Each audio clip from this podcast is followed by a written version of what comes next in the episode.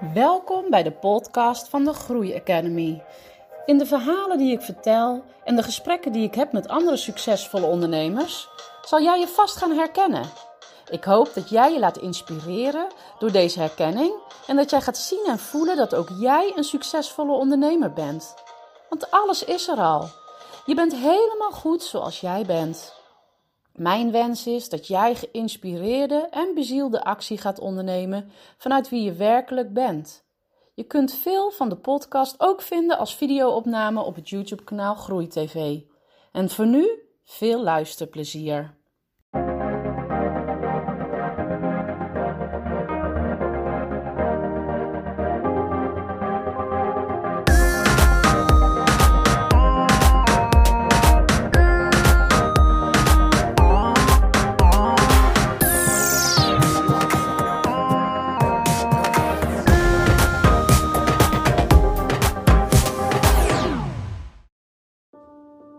Vandaag interview ik Mariska Ruijsen, een vrouw die vanuit haar werk met jeugd bij justitie sterk de behoefte kreeg om niet alleen gedrag te bestraffen, maar vooral te gaan onderzoeken waar gedrag vandaan komt.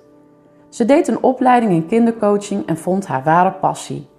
Toen ook haar creativiteit weer tot ontplooiing kwam, ontstond er een prachtig idee voor een methodiek. Op basis van deze creativiteit, haar kijk op het leven en wetenschappelijk onderzoek ontstond haar werkmethode aan het stuur, waarmee ze ons kennis laat maken met alle deelpersonages die iets te zeggen hebben in ons leven. En met uiteindelijk doel zelf weer het stuur in handen krijgen. Ja, Mariska, je was juriste bij het OM. Hoe komt het dan dat jij hier bij mij op de bank zit als ondernemer? ja, Ehm, ik bleek aan de verkeerde kant van de tafel uh, te zitten, kwam ik heel erg achter. Ik ben ooit gestart bij het OM met het idee uh, dat ik de wereld een stukje beter, een stukje mooier ging maken.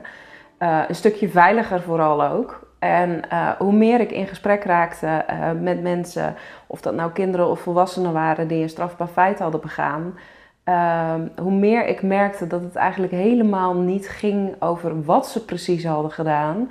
Ehm, of dat nou goed of fout was, maar dat, dat de vraag waarom ze dat gedaan hadden en welke weg ze daarin hadden afgelegd, dat die me veel meer intrigeerde.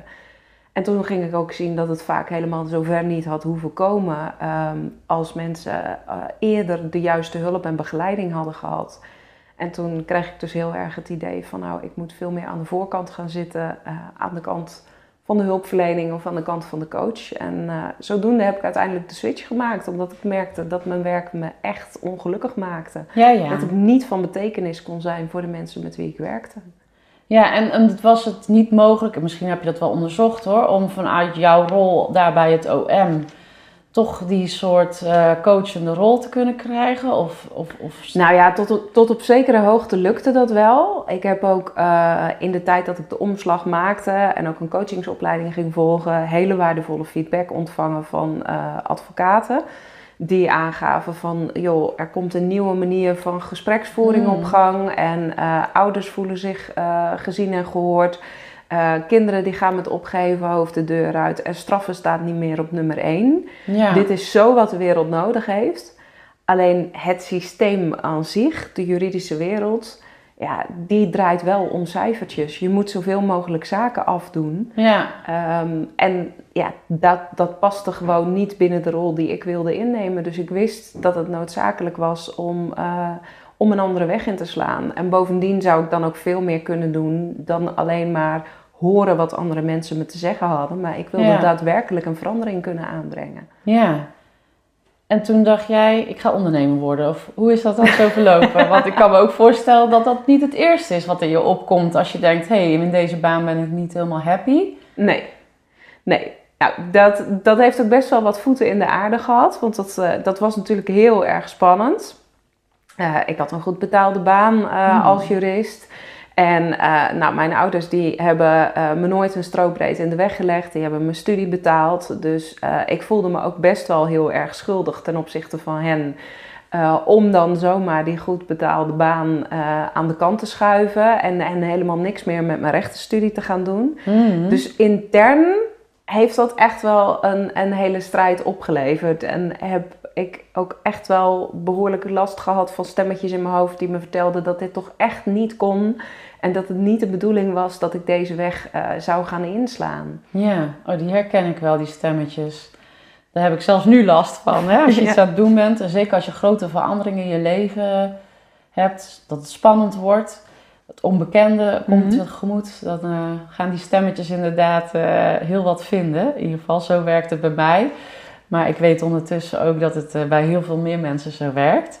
Daar gaan we het zo nogal over hebben, over die, stemmen, wat jij daarmee hebt gedaan. Um, nu je ondernemer bent, want je, hoe lang ben je al ondernemer? Uh, vijf jaar nu. Ik ben eerst heel veilig uh, gestart. Eigenlijk op het moment dat ik in mijn werk bij het OM steeds vaker feedback kreeg vanuit de advocatuur van goh, uh, dit is echt mooi wat hier ontstaat en kinderen die, die voelen zich gezien en gehoord. Toen had ik al heel snel zoiets van nou, ik wil gaan onderzoeken wat ik daarmee kan. Um, en ik had de luxe dat ik heel makkelijk een praktijkruimte aan huis kon, uh, kon realiseren. Oh, ja. Dus ik ben toen in gesprek gegaan met mijn baas en uh, van vijf keer acht naar vier keer negen gaan werken, zodat ik één dag in de week de tijd had om mijn praktijk op te starten. Ja, ja. Um, maar dat was eigenlijk veel te veilig, want ik wilde het allebei. Ja, dat is er nog, hè? Ja, ik wilde dolgraag die ondernemer zijn. Maar ja, met 36 uur uh, bij het OM uh, is dat de eerste jaren echt heel klein en heel kabbelend uh, gebleven. Omdat ik eigenlijk ja, er niet vol voor durfde te gaan. Nu, 2,5 jaar geleden, heb ik besloten mijn baan in loondienst los te laten. En, en vanaf dat moment kan ik ook echt zeggen dat mijn bedrijf een succes is geworden. Ja, wat, wat heeft het uh, kantelpunt uh, gebracht dat je wel vol durfde te gaan voor je eigen bedrijf? Uh, het feit dat ik ondersteuning heb gekregen vanuit een, uh, vanuit een business coach, die me eigenlijk wel de basisbeginselen bijbracht. Van nou, mm. wat is er nodig om een goed ondernemer te zijn? Ja. Uh, ik had 15 jaar in loondienst gewerkt en dan ook nog als ambtenaar. Um, ja, nou ja, dan Daar vinden de stemmetjes ook wat van. De mensen ook. ja, Um, nou ja, dat, dat, is, dat is heel veilig. Ja. En um, uh, nou ja, mijn baan bij het OM was best wel heel dynamisch. Ik was gewend om hard te werken. Um, en hard werken als in veel uren maken? Veel uren maken, uh, niet je tijd verlummelen en dergelijke. Alleen toen ik, toen ik eenmaal aan de slag ging als ondernemer en ik zag dat je je op heel veel fronten toch wel opnieuw moet uitvinden want het is niet voldoende als jij alleen een goede coach bent. Je moet ook een goede marketeer zijn. Je moet een goede mm. verkoper zijn. Uh, je moet het liefst ook een video queen zijn. Dat je filmpjes durft op te nemen. Uh, je moet zichtbaar durven zijn. Uh, ja, je moet actief naar buiten treden op zoek naar klanten. En dat waren allemaal dingen die in mijn baan in loondienst gewoon nooit nodig waren. Nee. Dus ik heb daar wel een stukje ondersteuning in gehad, wat mij heeft geholpen. Uh, om de stap te zetten. Ja, oh, dat is heel mooi. Eh, is dat, je noemde dat dat een business coach is. Ja. Is dat iets uh, wat op je pad is gekomen? Of heeft iemand jou dat advies gegeven? Ga eens iemand zoeken, een business coach zoeken. Want ik kan me voorstellen, ook uit ervaring weet ik, als je net begint met ondernemen, is zo'n investering best wel een dingetje. Hè? Ja. ja. Hoe is dat gegaan? Um, nou, ik volgde sowieso al een aantal coaches via social media via social media wordt er uh, vrij veel gratis aangeboden. Ja. En uh, daardoor wist ik al wel van, nou, hey, bepaalde basisbeginselen, die kun je echt ook gratis leren. Maar dan mis je de finesses. Ja. En ik ben ook een heel leergierige iemand. Dus ik had wel zoiets van, nou, een investering zal nodig zijn. Um, en ik heb ontzettend veel geluk gehad dat mijn werkgever me daarin wilde faciliteren. Oh, dat hij zei van, het is onderdeel van een vertrekregeling. Um, maar sinds ik helemaal weg ben gegaan um, uit loondienst, ben ik eigenlijk pas echt gaan investeren in goede business coaching. En ben ik er nu ook niet meer bang voor, want het betaalt zich altijd terug. Ja, ja dat was een van mijn vragen. Wat is de beste investering die je ooit gedaan hebt in je bedrijf? Nou, dat is, dat is absoluut gewoon de samenwerking met een goede business mentor. Ja. Um, samen groeien veel sneller dan alleen. Um, ook het hebben van een, uh, van een groep van business buddies om je heen, met wie je altijd kunt sparren, kunt masterminden, die jou upliften en die op eenzelfde niveau in je bedrijf zitten, uh, in hun bedrijf zitten, mm. dat is ook heel erg belangrijk. Ehm, want vaak heb je wel mensen om je heen die ook aan het ondernemen zijn. Ehm, maar het gevaar zit erin dat je je dan gaat omringen met mensen die nog net niet op het punt zijn waar jij bent. En dan word je eerder naar beneden getrokken in plaats van dat je ervan kunt leren en eh, eh, dat het je helpt groeien. Ja. Dus ik heb wel altijd bewust mensen opgezocht die al een paar stappen verder waren dan ik zelf. Ja. Ja, daar kreeg ik laatst ook als tip inderdaad. Van zorg ervoor als je met mensen in de kamer bent, dat je niet altijd degene bent die het hoogste is. Zorg ook eens eh, qua niveau en bewustzijn. Ja. We zijn allemaal even waardevol, maar dat je qua, nou ja, in dit geval bijvoorbeeld ondernemerskills dat je ook met mensen bent waar je echt nog heel veel van kan leren. Ja. Dat je aan kan haken en dat je op kan eh, trekken aan een ander. Dus uh, ja, dan heb ik. Uh, nou, ik vertelde net al dat jij een van mijn inspiratiebronnen bent. En ik zit even te denken, hoe ben je eigenlijk op mijn pad gekomen? Nou, volgens mij ook via social media. Toevallig wonen we ook niet zo heel ver van elkaar vandaan. En heb ik een keer de stoute schoenen aangetrokken en jou uh, gevraagd van zullen we eens afspreken om kennis te maken. En zo zijn wij met elkaar in contact gekomen. Wie is jouw inspiratiebron als je nou zo iemand zou moeten noemen? Oeh, nou dat, uh, uh, dat zijn er wel meerdere. Uh, iemand die ik echt wel, als het dan gaat als ondernemer hoog heb zitten, dat is eigenlijk mijn eigen business mentor Marloes Halmans. Uh, zij is voor mij echt een voorbeeld dat uh, op het moment dat je volledig voor je dromen durft te gaan en uh, je dus ook niet laat belemmeren door stemmetjes in je hoofd die je vertellen dat het, dat het niet kan, dat het niet realiseerbaar is, dat je dan echt je droomleven kunt realiseren. Zij woont nu sinds begin dit jaar in Frankrijk met haar gezin. Mm -hmm. En runt van, vanuit Frankrijk twee succesvolle bedrijven maar zit op een, op een, uh, op een boerderij uh, tussen de heuvels met een gigantische moestuin.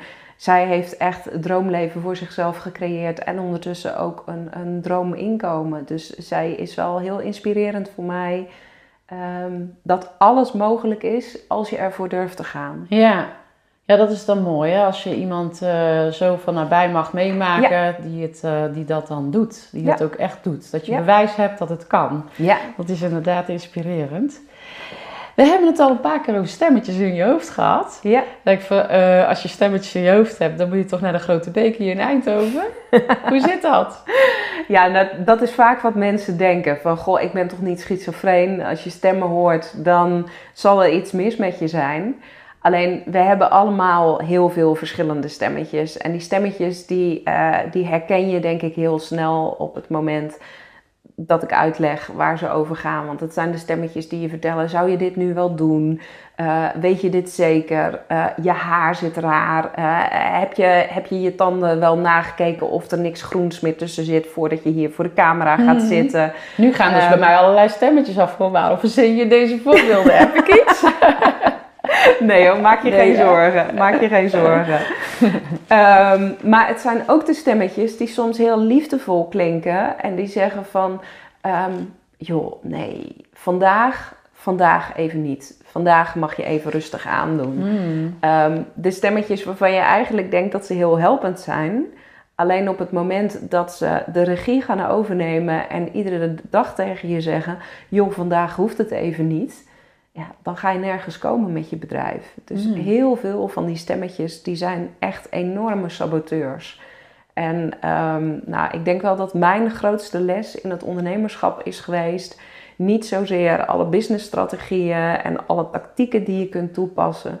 maar veel meer uh, dat als je leert zijn met al die stemmetjes in je hoofd en het niet voor waar aanneemt wat die stemmetjes je allemaal Mm, vertellen. Ja, dat is vooral belangrijk. Dat is heel belangrijk, dat je je daar niet door laat leiden. Dat er dan dus inderdaad ook ruimte komt om dat droomleven voor jezelf te creëren. Ja.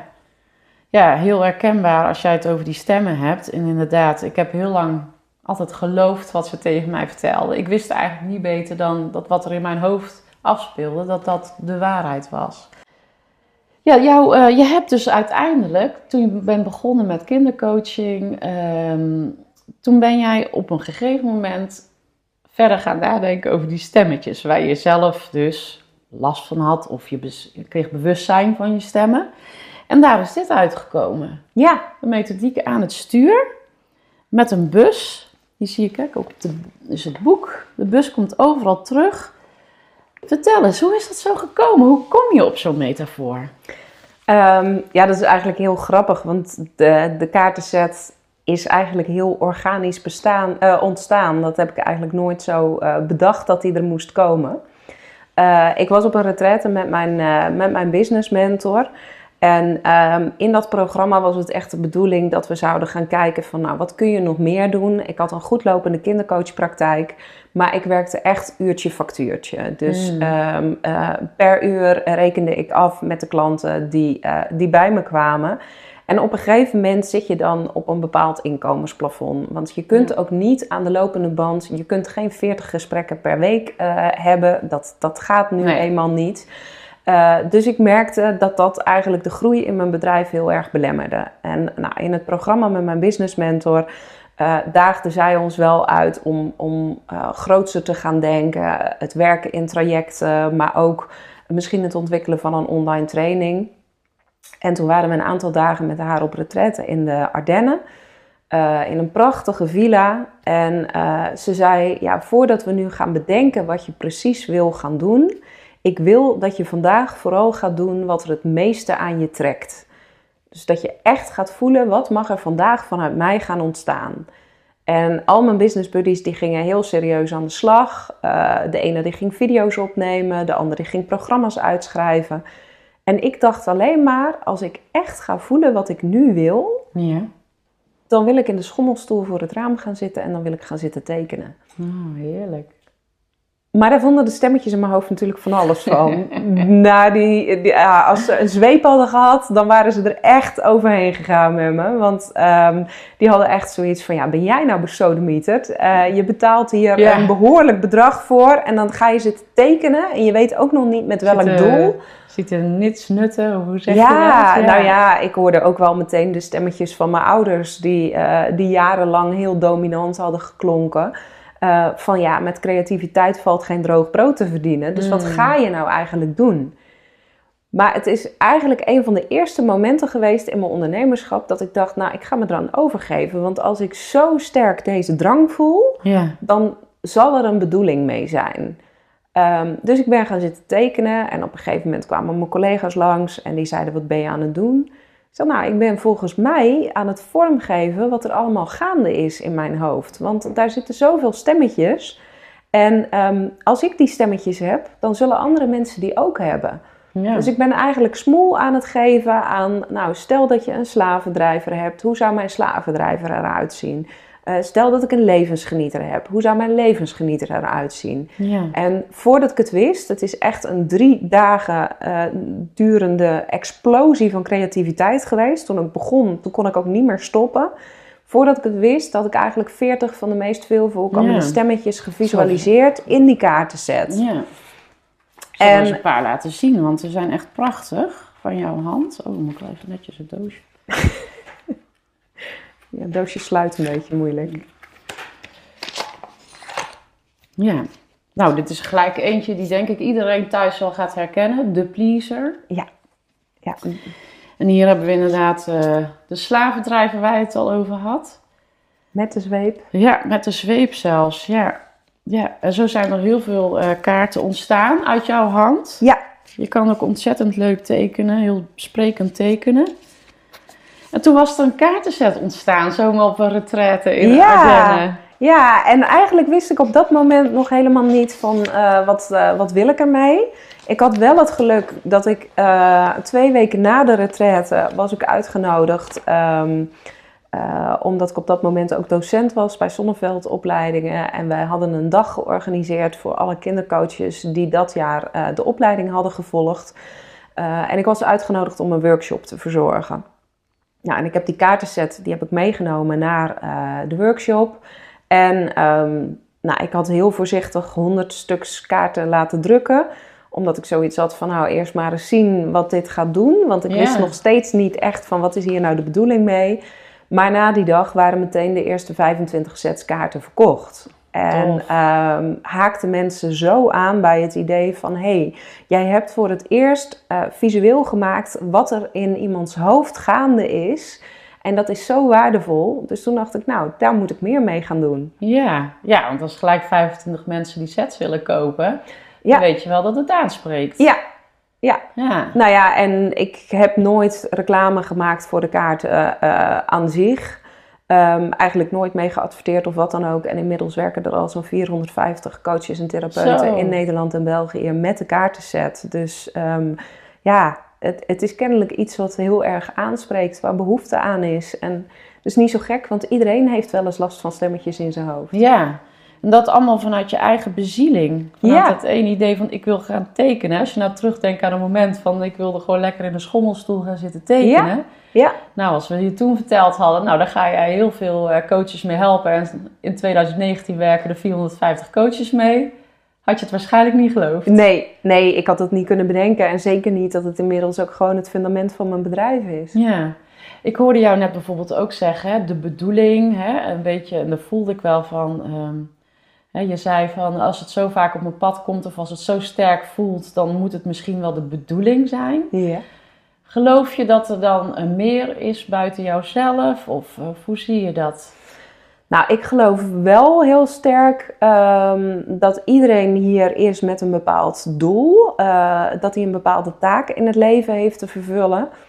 En ik denk ook dat heel veel mensen op dit moment op zoek zijn naar, goh, wat is dat dan? En wat, Mm. wat is voor mij nu precies de bedoeling? En ik geloof er ook wel heel sterk in eh, dat we geleid worden door iets hogers dan onszelf.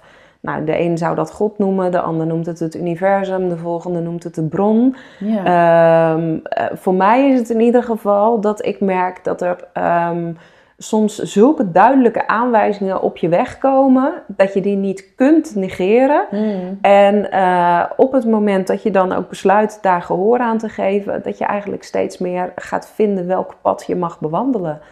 Ehm, en ja, daar is het ontstaan van de kaartenset denk ik wel een heel mooi voorbeeld van. Eh, ik, ik had ervoor kunnen kiezen om ervoor weg te lopen en net zoals mijn collega's gewoon heel serieus aan het werk te gaan. Maar dan Mhm. had ik eigenlijk het hogere in mezelf genegeerd. Wat zei, nee, jij gaat nu zitten in die schommelstoel en je gaat doen wat je te doen hebt. Ja. En, en daar geloof ik dus wel heel erg in dat dat een, dat dat een weg is eh, die iedereen op een gegeven moment kan gaan. Alleen dat we heel vaak van die weg afraken, eh, omdat we het zo spannend vinden om daarnaar te luisteren. Omdat het soms dus ook volledig tegen de logica en reden in kan gaan. Eh, voor mij was dat toen ook. Ja, waarom ga je zitten tekenen op een hele dure retraite? Waarom zou je dat doen? Mm. Ehm, ja, terwijl het wel heel duidelijk mijn intuïtie was die tot me sprak, of het universum of wat dan ook, die zei: Dit moet nu gebeuren. ja. En ehm, nou, ik denk dat, dat dat ook wel is waardoor veel mensen soms zo zoekende zijn. Ze gaan ervan uit dat als je intuïtie tegen je spreekt, ja, dan moet het logisch zijn en dan moet het altijd kloppen en dan moet het op zijn plek vallen. Ehm, maar heel vaak is die stem van je intuïtie eh, misschien iets wat dwars ingaat tegen alles wat jij nu logisch en Ja. redelijk vindt. Is dat ook eh, bij jouw set? eh, nou, ik weet het eigenlijk al. Ik weet het antwoord al natuurlijk. Want ik werk zelf ook met jouw kaartset. Dat, eh, wat je hoort inderdaad wel vaak van... eh, je moet meer gaan eh, voelen in plaats van denken. Luisteren naar je intuïtie. Maar het is gewoon heel moeilijk om je intuïtie soms zelfs te horen. Ja. Ik zelf zie het altijd voor me dat dat... Ja, als we het over intuïtie en gevoel hebben... zit het bij mij heel erg hier. Ja. En al die stemmen, die zitten echt in mijn hoofd. Klopt. En omdat het hier zo druk is en al die stemmen, het is één kakofonie van meestal hele kritische, eh, eh, eh, kritische geluiden. Ja. En die schreeuwen zo hard dat ik eigenlijk het gefluister van mijn eigen intuïtie of mijn ziel, of hoe je het ook wil noemen, niet meer hoor. En ik heb wel gemerkt dat het voor mij zo werkt dat als ik met jouw kaarten zet, jouw boek aan het lezen ben, als ik bewust met die stemmen bezig ben, dat ze dan wel lijken te kalmeren. Is dat Mooi. ook jouw bedoeling met de set? Ja, absoluut. Absoluut. Ehm, zolang je je laat leiden door alles wat er in je hoofd gaande is, ja, dan um, dat, dat is ook het moment waarop uh, niet alleen in jouzelf, maar ook vaak in de richting van anderen frictie gaat ontstaan. Ehm, je hoort nu ook steeds vaker de term hoofdmensen. Mm, ja, die, ja, ja, die, die zo lekker ver van hun gevoel verwijderd zijn. En ik denk dat die hoofdmensen in allerlei branches eh, werkzaam zijn. En dat er daarom op bepaalde beroepsgroepen op dit moment ook heel veel kritiek is. Ja. In de medische wereld bijvoorbeeld, dat, dat mensen eh, het idee hebben dat ze een nummertje zijn in plaats van dat ze als persoon gezien of gehoord worden. Maar dat ze het idee krijgen dat het alleen nog maar om, de, om het vaststellen van de diagnose gaat. Nou, dan heb je te maken met hoofdmensen. Ik Mm. was ooit zelf ook zo'n hoofdmens Ja. eh, bij het OM. eh, want het hielp me ook als ik was afgesloten van mijn gevoel. ehm, dan hoefde ik niet helemaal erbij te komen hoe, welke verschrikkingen andere mensen soms hadden meegemaakt. Want Ja. als ik me toestond om dat te voelen, ja, hey, dat, dat, dat is spannend. Maar dat eh, bij je gevoel komen, dat is, dat is absoluut waar het voor mij om draait. En wat inderdaad de centrale spil is, zowel in de kaartenset als in het boek. Van nou, hoe zak je nou van je hoofd naar je hart? Want je hart heeft altijd eh, de juiste antwoorden. Ja. En hoe zit dat dan eh, met ondernemerschap? Hè? Hoe kan je, kan je dat, die hartzaken, hè, dat gevoel, combineren met het zakelijke, wat toch wel vaak in je hoofd zit? Hoe, hoe gaat dat bij jou? Ehm, nou, ik merk dat hoe meer ik eh, mijn hart laat spreken en hoe meer ik vanuit daar werk, ehm, dat de stemmetjes in mijn hoofd ehm, eh, milder worden en zich gaan aanpassen aan de behoeftes van mijn hart. Dus dat dan nog steeds wel de ondernemende ik bijvoorbeeld, of de ambitieuze ik in mijn hoofd kan zeggen: je moet nu dit of dat. Ehm, maar dat ik dan weet dat ik dat doe om aan mijn hogere doel te werken. In plaats van dat die stemmetjes zeggen: Nou, je moet vandaag de administratie gaan doen en zorgen dat de BTW in orde is. Terwijl ik daar misschien nog anderhalve maand de tijd voor heb. Ja. Eh, dus de stemmetjes gaan gaandeweg, als je er mee leert omgaan, gaan ze eh, meewerken om, om jou in de juiste richting eh, te leiden. In plaats van dat ze je van het pad afhalen wat je eigenlijk te gaan hebt. ja. Dus eigenlijk is het de bedoeling dus niet dat je bepaalde stemmen maar wegdoet, omdat ze je niet dienen. Hè? Want, Nee. als je bijvoorbeeld aan een pleaser denkt, of dat please-gedrag kennen- herken- zullen veel mensen herkennen, dat het je vaak tegenwerkt in het leven. Mhm. Die pleaser, die, die, het is niet de bedoeling dat we die overboord gooien. Nee. Nee. Die Geen mag nog steeds een plek in de bus hebben, om maar even jouw metafoor te gebruiken. Ja, zeker, zeker. Ik ben ervan overtuigd dat alle stemmetjes die in jouw leven ooit ontstaan zijn vanuit een positieve intentie.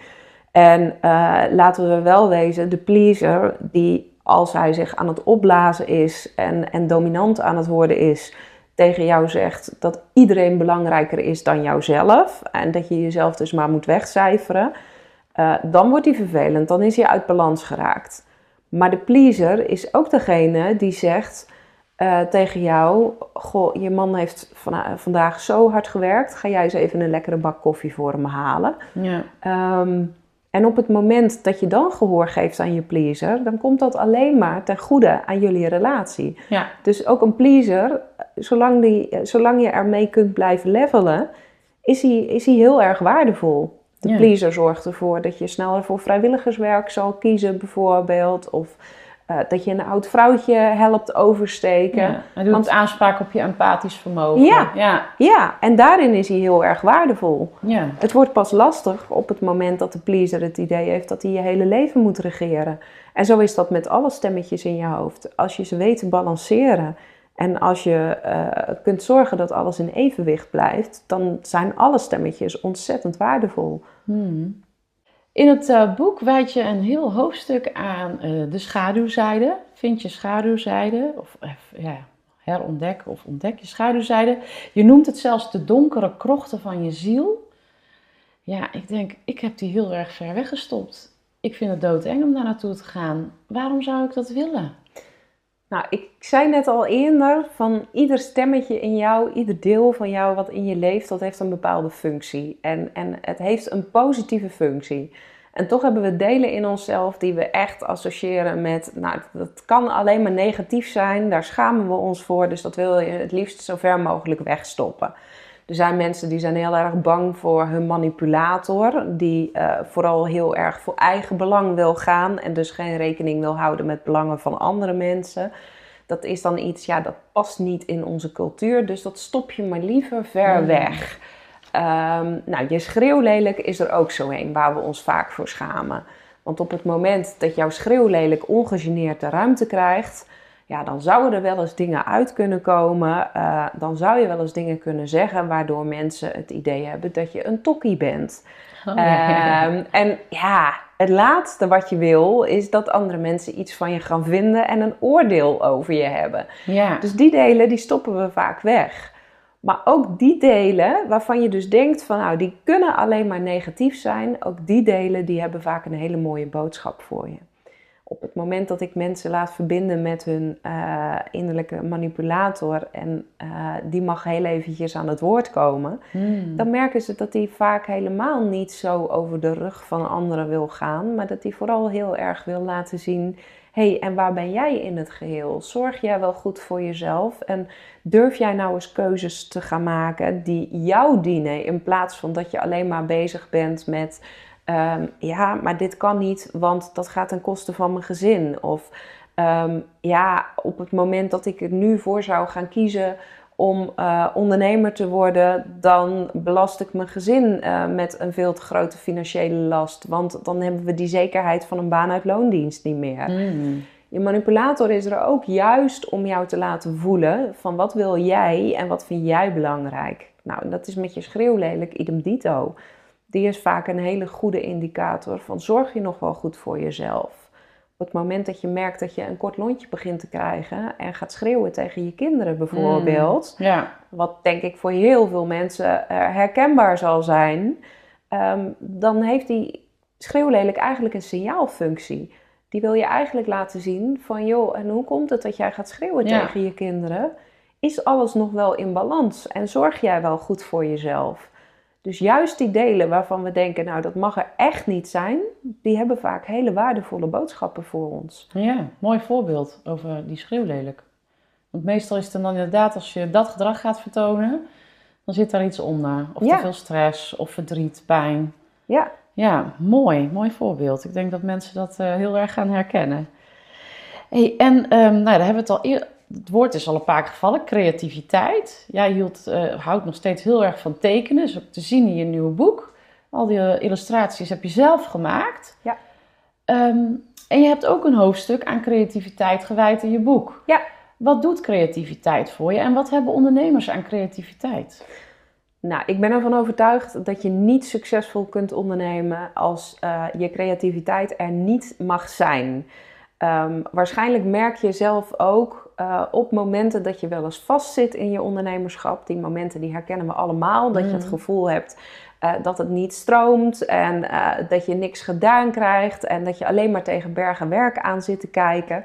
Dan is vaak jouw creatieve stroom is geblokkeerd. Er zullen ook momenten zijn in je ondernemerschap dat je duizend en één ideeën hebt.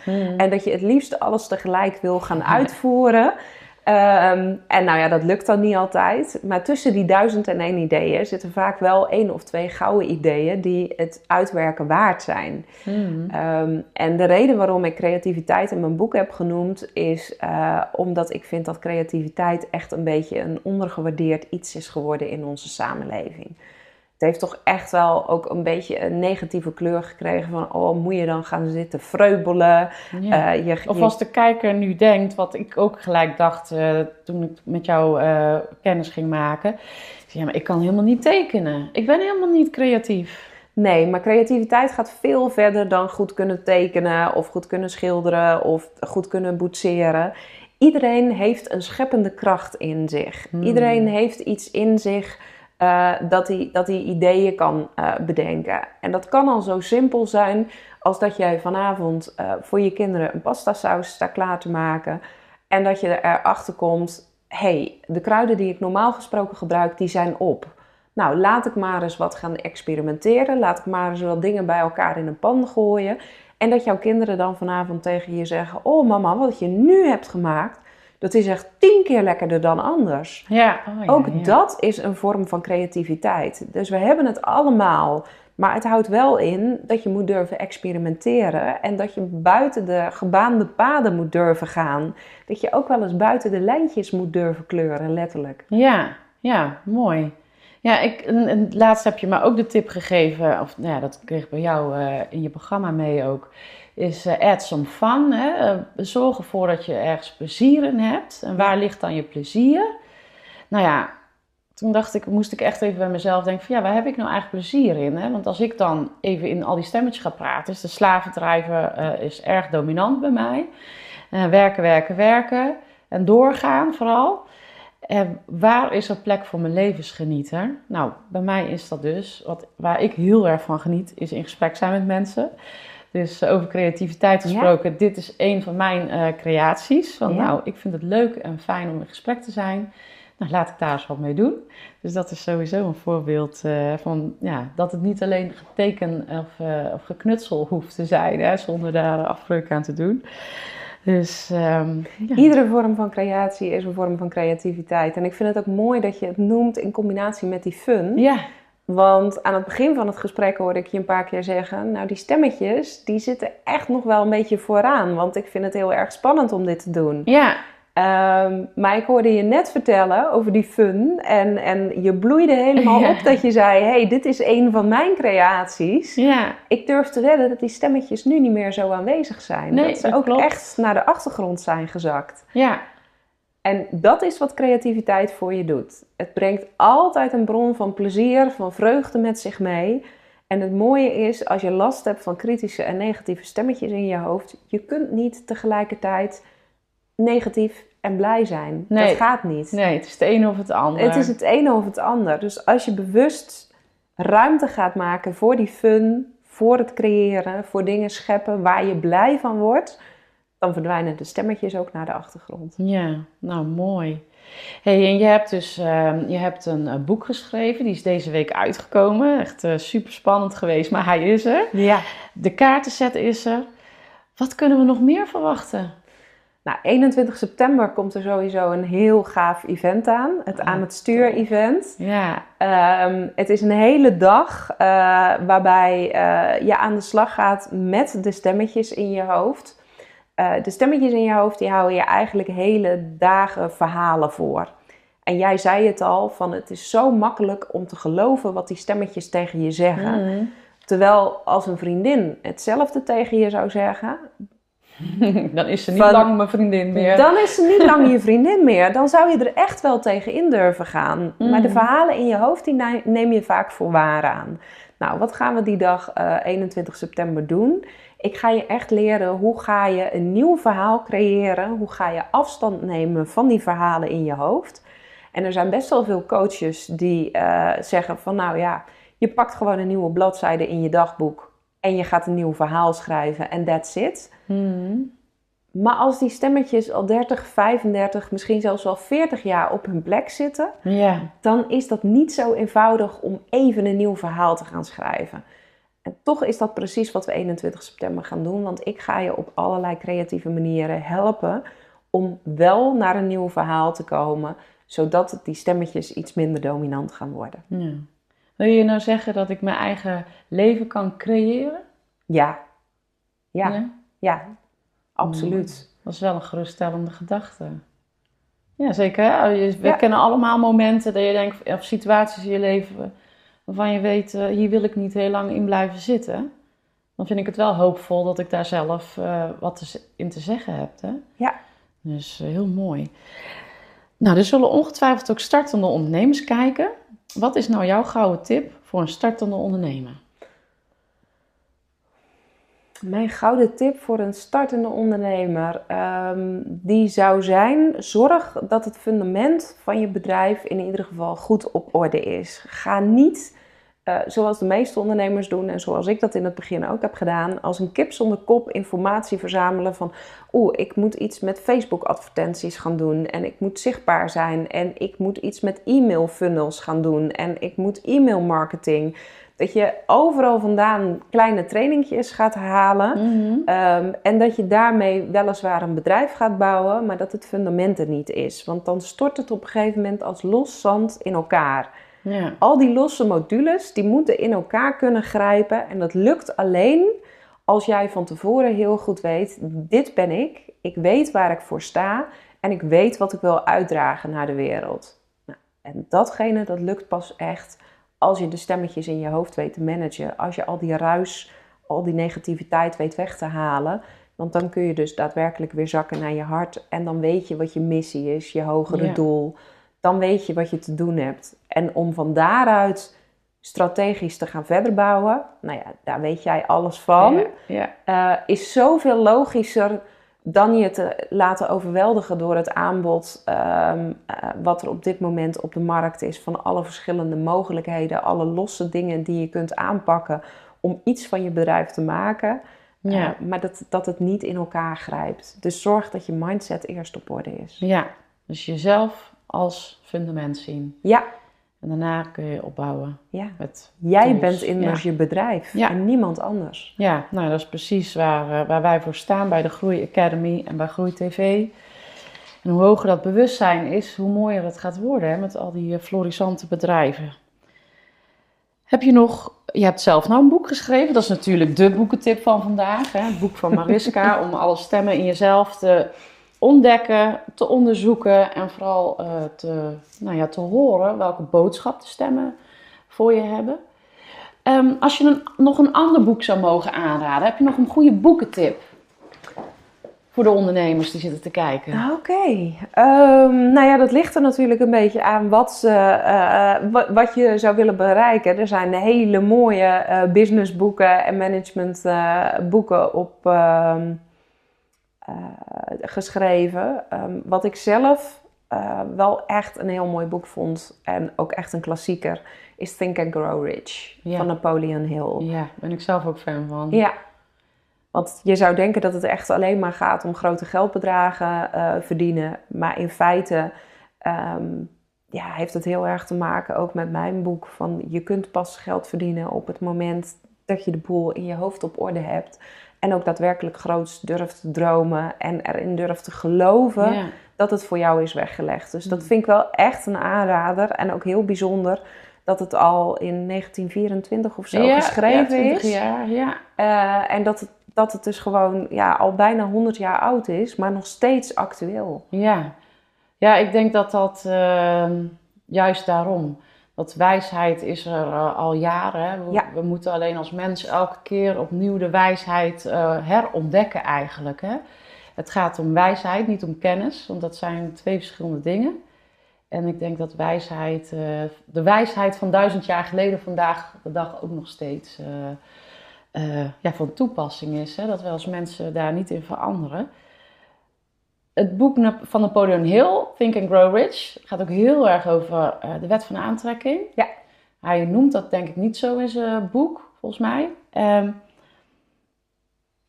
vinden we zoiets ook terug in jouw boek? Die, die wetmatigheid van eh de Law of Attraction? Nou, die zit er zeker in verweven. Ehm, ik, ik, ik noem het tussen de regels door absoluut.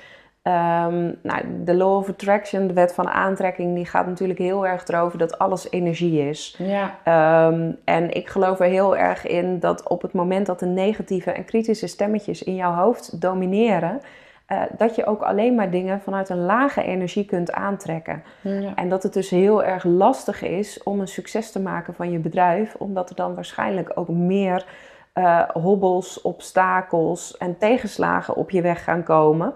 Omdat je simpelweg, omdat de stemmetjes in je hoofd simpelweg geloven dat het voor jou niet is weggelegd om op een makkelijke manier te ondernemen. Nou, op het moment dat je meer naar je hart weet te zakken en dat Mm. contact met die intuïtie hebt en helemaal kunt openbloeien, nou ja, ik denk dat iedereen wel eens een moment heeft gehad waarin die voelde van hé, hey, nu ben ik helemaal één met alles, eh, ik voel me helemaal connected. En dan merk je dat dat als vanzelf een prachtige dag is en dat er dan eh, dingen moeiteloos gaan. Ehm, dus dat is wel de onderliggende boodschap ook van mijn boek, of je het nu als particulier leest of als ondernemer. Mm. Op het moment dat die connectie met je intuïtie er is en je dus veel meer dat plezier, die vreugde, die verbinding kunt gaan ervaren, dan zal je ook merken dat ehm, eh, het voeren van je bedrijf een stuk moeitelozer gaat en dat er allemaal onverwachte mooie kansen op je, op je pad komen. Dus ja, het managen van de stemmetjes in je hoofd is onlosmakelijk verbonden voor mij met de wet van aantrekking. Ja, ja absoluut. Ik herken dat ook heel erg. Ehm, ik, ehm, ik heb bijvoorbeeld ook stilte nodig. want al die stemmetjes, dat is een drukke boel bij mij. en, en je kan je natuurlijk ook ontzettend druk maken als je een eigen bedrijf hebt. Ehm, ik zoek de stilte op als het me echt te veel wordt. Ik ga naar de natuur. Wat is jouw manier om in contact te blijven met die hogere zelf? Uh, verschillende manieren. De, de natuur is één. Dat is wel een hele fijne. Omdat de natuur aan zich je al helpt om, om te zakken in je, van, van je hoofd naar je lijf. Mhm. En weer in verbinding te komen. Uh, wat voor mij natuurlijk ook echt heel erg helpt. Want dat is voor mij ook gewoon een vorm van meditatie is uh, gaan zitten en mijn potloden of een penseel pakken en, en daarmee aan de slag gaan.